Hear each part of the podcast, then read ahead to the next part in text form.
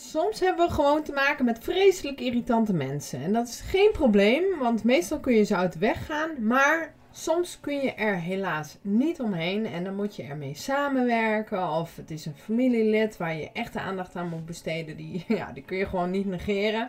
Maar hoe kun je daar nou eigenlijk omgaan?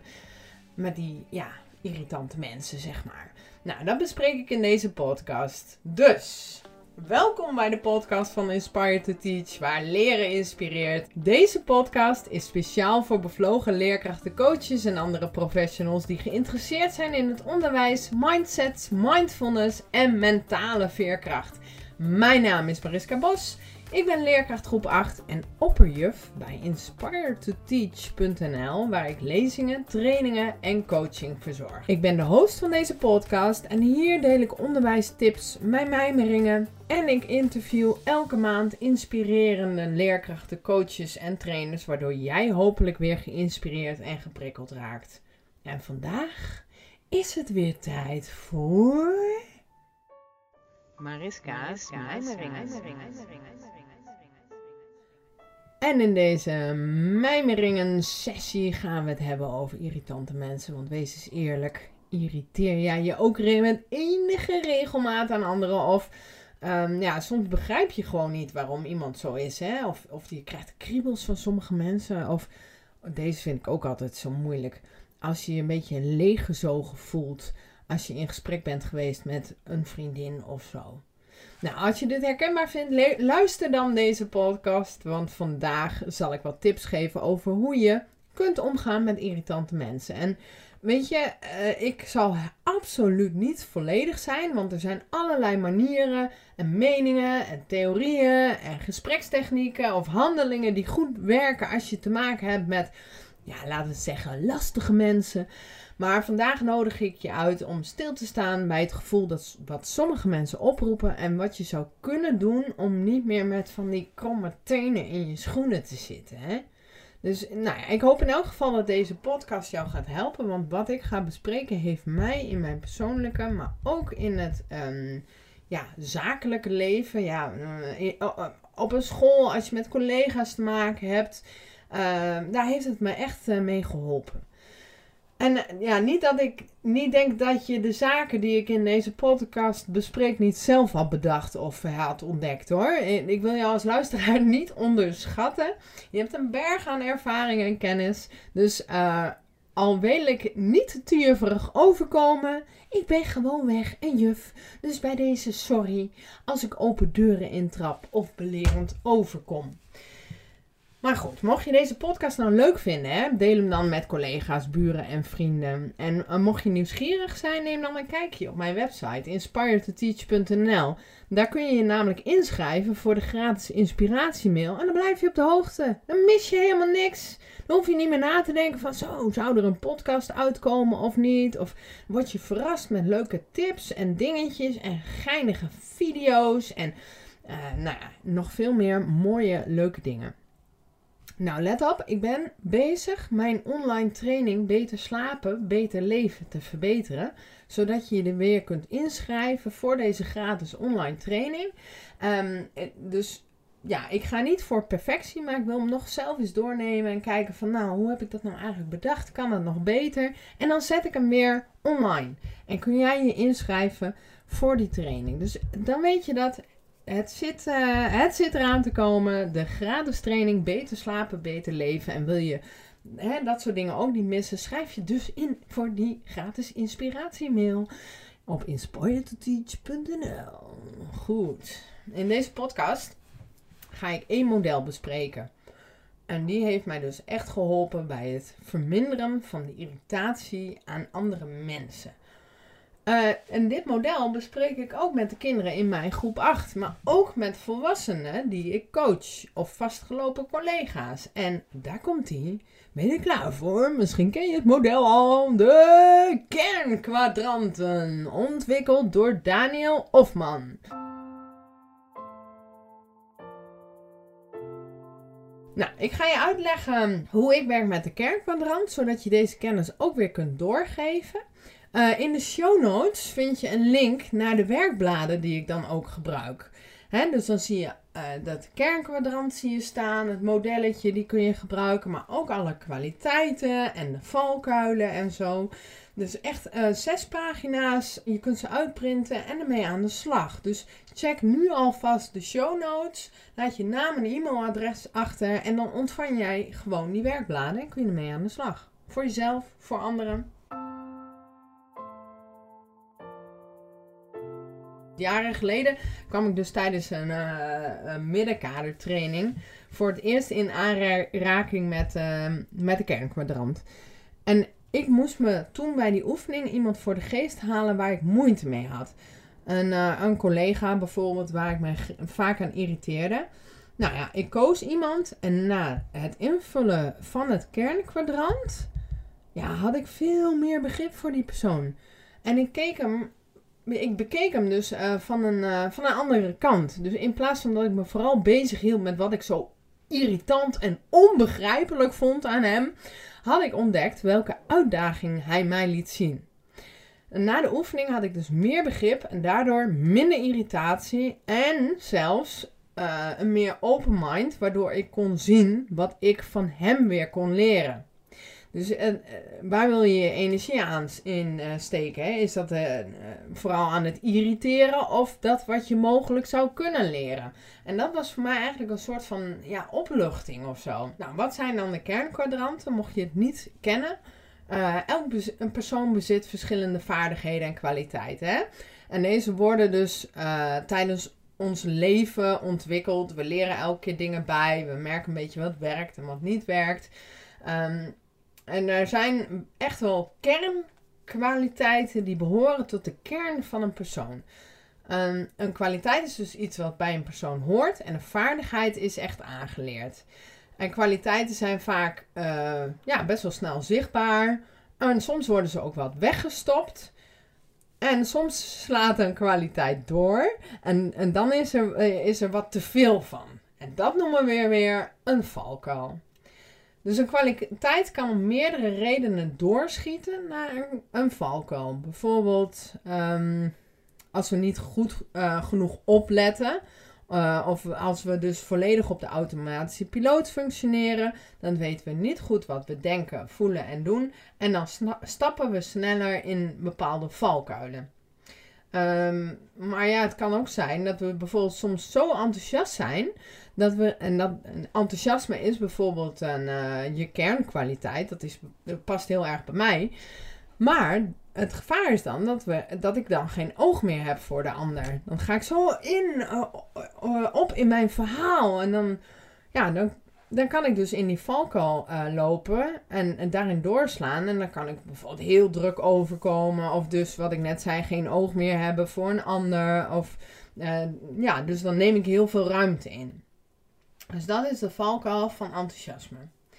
Nou, het is op dit moment wel heel uh, prettig, denk ik, als je nog nooit van de kernkwadrant hebt gehoord, dat je toch die bijlagen die, in de show die je in de show notes kunt vinden, dat je die erbij pakt. Dan heb je echt een hele gave lijst met kwaliteiten en passende valkuilen. En dan zou je bijvoorbeeld uit die lijst 10 kwaliteiten kunnen zoeken die, echt bij jou vind, die je echt bij jou vindt passen. Nou, en als je dat bijvoorbeeld hebt gedaan, dan kies je uit die lijst van 10 kwaliteiten, kies je drie kwaliteiten die je echt bij jou vindt passen. Nou, als je dat hebt gedaan, dan kun je onderzoeken wat de valkuilen zijn die bij de kernkwaliteiten passen. En pas op, in die lijst, dat zijn suggesties. Hè? Dat wil niet zeggen dat, dat dat dan meteen ook de passende valkuil is. Maar kijk maar eens in die lijst. Uh, wanneer heb je nou de neiging om, in een, om een valkuil te laten zien? En welke valkuil is dat nou? Dat, dat zijn wel hele interessante vragen om, uh, om jezelf te stellen. Nou, stel je voor dat je als kernkwaliteit daadkracht hebt. Hè? Je bent echt een daadkrachtig persoon. En je weet dat elke kernkwaliteit kan vervallen in een valkuil. Dat wil zeggen dat het dus verandert in iets negatiefs. Een, een beetje een teveel van het goede. Een daadkrachtig persoon kan daardoor dan drammerig worden. Dus een, een valkuil die kan zichtbaar worden als we bijvoorbeeld slecht geslapen hebben of een moeilijke periode hebben of stress of als we te weinig tijd hebben, dus een beetje gehaast en uh, of te weinig energie hebben, of misschien te veel energie. En dan, dan kan zo'n valkuil dus zichtbaar worden. En soms laten we een valkuil zien als er dingen gebeuren die ingaan tegen onze waarden, hè, wat we belangrijk vinden, onze behoeften of tegen onze overtuigingen in. En dan kan een valkuil ook zichtbaar worden. En de valkuil, nogmaals, is dus een doorgeslagen kernkwaliteit. Een opdracht die ik veel mensen geef is om tien verschillende mensen te vragen welke drie kernkwaliteiten ze bij jou zien. En dat is leuk om uh, mensen te vragen die jou bijvoorbeeld heel goed kennen, zoals je partner en je ouders en je beste vrienden. Maar dat je ook mensen vraagt die jou minder goed kennen. Uh, zoals een directeur, buren, bepaalde collega's. Als je dan al deze informatie verzameld hebt, dan kun je kijken wat de overeenkomsten zijn en wat je bijvoorbeeld verrast. Komt jouw lijst overeen met dat wat die mensen uh, over jou hebben gezegd? En je kunt zo ver gaan in het zelfonderzoek als je wil. Je kunt uh, nadenken over de valkuilen die bij kwaliteiten horen en welke kwaliteit jij wat meer zou willen laten zien. Oké, dan uh, komt er nu een, uh, een, deel waardoor ik meer begrip kreeg voor die irritante collega's. Dus dit was een beetje de basis, hè, dat je het over kernkwaliteit hebt en dan die valkuilen. Maar het is ook heel interessant om je allergie en uitdaging te onderzoeken. En dit werkt dus nogmaals het mooiste als je de werkbladen er dus bij pakt. Dus check die link in de show notes nog een keertje. Um, dus als je kijkt naar de kernkwadrant, dan kun je ook onderaan beginnen bij de allergie. Dus dat wat je zo irritant vindt aan die ene persoon. Nou, laten we zeggen dat die collega waar ik het over heb, dat we hem Karel noemen. Karel had de neiging om zich druk te maken over dingen waarvan ik denk, waar hebben we het over? Dus als er iets misging, dan was hij als eerste die de fouten opspoorde en dat natuurlijk meteen kenbaar maakte. En hij snapte er ook helemaal niks van dat bijvoorbeeld ik of andere collega's die fout niet hadden gezien. Uh, in zijn ogen was ik dus ook slordig. En ik vond hem een zeiksnor. Een Pietje precies. en uh, wij zaten uh, dus duidelijk in elkaars allergie. En als hij weer eens aangaf dat er een datum niet klopte of ik iets over het hoofd had gezien, dan gaf hij dat aan op een niet zo heel vriendelijke manier. Echt geïrriteerd ook. Nou, daar ging ik dan natuurlijk tegen in, want hij, hij reageerde vanuit die irritatie van, oh wat slordig. En ik ging weer, reageerde vanuit die, die allergie van, oh Pietje precies, wat een zeiksnoor, weet je wel. En dan, uh, ja, dan reageerde ik ook wel een beetje zo op zo'n toon van, nou, we hebben het over uh, lekker belangrijk en oh, overdreven. En, en daarom vond hij mij nog slordiger en zelfs ongeïnteresseerd. Dus we versterkten elkaars allergie. En totdat ik het dus anders ging bekijken en ik dus in aanraking kwam met de kernkwadrant. En dan vulde ik het, uh, ik vulde het in en ik zag hoe irritant ik voor hem moest zijn geweest. en ik zag ook zijn kwaliteiten in plaats van zijn valkuil. Zijn valkuil is mijn allergie. Ja? Zijn valkuil is mijn allergie, dus die zeiksnor, Pietje precies. Maar de kwaliteit eronder was dus dat hij erg accuraat was. Hij had echt oog voor detail. Daarnaast was hij ook super betrokken. En um, als je heel erg betrokken bent, dan is je valkuil dus ook dat je emotioneel kunt reageren. Mijn valkuil was zijn allergie. Ik was in zijn ogen slordig en ongeïnteresseerd. En hij kon weer van mij leren dat hij sneller en flexibeler mocht zijn. Iets meer loslaten, iets meer afstand kunnen nemen van een situatie. Dus als we ook ons richten op onze allergieën, dan zien we de valkuilen van anderen en, en, dan krijgen we een negatief beeld van iemand. Hè? Dus uh, dit beeld wordt natuurlijk elke keer weer bevestigd. Omdat we op, op die manier de boel bekijken. Van ah, zie je weer. Oh, daar gaat hij weer. Oh, wat een zeiksnor is het toch. De grap is dus ook dat als we gaan onderzoeken welke kwaliteit achter de valkuil zit. Dat we dan met meer begrip kunnen kijken naar die persoon.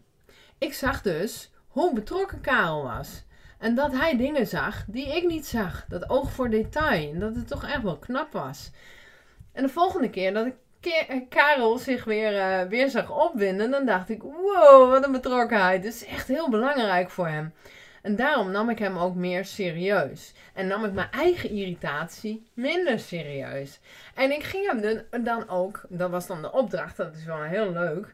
Uh, moest dan nadenken van ja, hoe kan ik nou uh, de, de kwaliteit van hem weer versterken. En, en die, die uitdaging die er eigenlijk voor mij ligt. Hè, dus uh, meer oog voor detail. En ik ging hem dus om hulp vragen. Ik vroeg hem bijvoorbeeld bepaalde brieven die ik voor ouders zou schrijven of mijn klas of zo vroeg ik of hij die even door wilde lezen. En dan haalde hij de fouten eruit. En dan bevestigde ik dat ook. Van, oh, het is zo fijn dat jij dat... Weet je, ik zie dat dus gewoon niet. Ik zie dat over het hoofd. En wat fijn dat jij uh, dit voor mij wil nakijken. En dan maakte ik gebruik van zijn kwaliteiten. En dat vond hij heel fijn. Want daardoor gaf ik aan, jeetje, weet je, ik weet, mijn valkuil is dat ik slordig ben, omdat ik zo snel dit dingen regel. En um, ja, ik kan jou om hulp vragen om iets te leren van jou. En nou ja, je, snapt wel een beetje hoe het werkt, hè? Dus dat de, de relatie tussen ons verbeterde daardoor ook. Nou, een ander voorbeeld was uh, mijn man. Die, die kwam wel eens thuis en dan klaagde hij over een collega. Dat was echt een heel irritant gast. En bemoeide zich overal mee. En het voelde een beetje alsof die collega een, een wesp was. Weet je wel, zo'n wesp die de hele tijd om je heen aan het zoomen is. Super irritant. En even hou je dat vol. Hè? Dan denk je van, hé, gewoon stil blijven zitten. Gaat vanzelf weg. Maar na een tijdje, dan, dan hoor je alleen dat gezoom. En dan kun je het niet laten om die wesp een klap te geven. Weg is die wesp. Nou, die wesp eh, die heroriënteert zich en die komt weer net zo hard terug. Nou ja, zo was het ook een beetje met die collega van mijn man. We noemen hem even André. En André voelde wel dat er iets was, maar hij begreep het niet helemaal. En hij werd er een beetje onzeker van, wat zijn valkuil alleen maar versterkte. En hij kwam uh, zich uh, nog vaker bemoeien met het team. Terwijl het team een beetje zoiets had van, ah, ga maar weg. En er werden een beetje flauwe grappen over hem gemaakt waar hij bij was. En daardoor werd hij nog onzekerder. Nou ja. En toen mijn mannen tijdens een wandeling dit bespreekbaar maakten, zijn we er eens even lekker voor gaan zitten. Even lekker wezen analyseren van wat gebeurt hier nou eigenlijk. Nou, en na enige tijd kwamen we erachter dat de bemoeizucht um, eigenlijk uh, een betrokkenheid was. Uh, het goed willen doen. We gingen ook kijken naar een mogelijke behoefte van deze man, hè, van André. Uh, misschien wilde hij ook contact met het team en iets opbouwen, maar was het een beetje een onhandige manier om in verbinding te komen met anderen. En misschien wilde André heel veel leren van het bedrijf. Hoe werkt iedereen? Hoe pak je dit aan? De kwaliteit achter de valkuil, bemoeizucht, kon dus zijn betrokkenheid of nieuwsgierigheid of um, opdringerig kan belangstellend zijn. dus het is heel erg leuk om eigenlijk eens even het met andere ogen te bekijken, vond ik. Dan laat je de irritatie wat meer los en leer je iets over de behoeften en de kwaliteiten van anderen.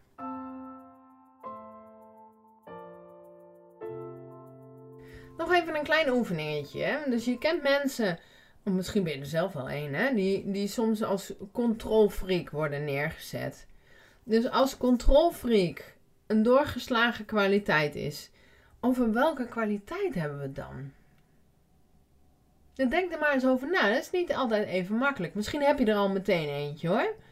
Maar het valt niet altijd mee om de kwaliteit onder een valkuil te ontdekken. Daarom is dat ene werkblad ook zo handig, die je in de show notes vindt. Dan hoef je er niet meer zo over na te denken. Dan heb je hele rijen met woorden, kun je uitkiezen. nee, maar er staan heel veel kwaliteiten in met de mogelijke valkuilen. Dus de kwaliteit achter controlfriekerigheid kan zijn uh, bijvoorbeeld gedreven, uh, verantwoordelijk, krachtig of temperamentvol. Als je de hele kernkwadranten in het werkblad invult, dan ontdek je de kwaliteit achter een valkuil, maar ook jouw eigen uitdaging. Wat is het wat je van die ander kunt leren? En wanneer we op die manier naar mensen kijken, dan geeft het wat meer uh, ja, ja, verlichting of zo. En, en ook inspiratie en inzicht. En met verlichting bedoel ik niet, oh, helemaal zo'n, uh, maar verlichting, dat gewoon, weet je, irritatie, dat gevoel van, dat, dat is, uh, dat ervaren veel mensen als heel zwaar.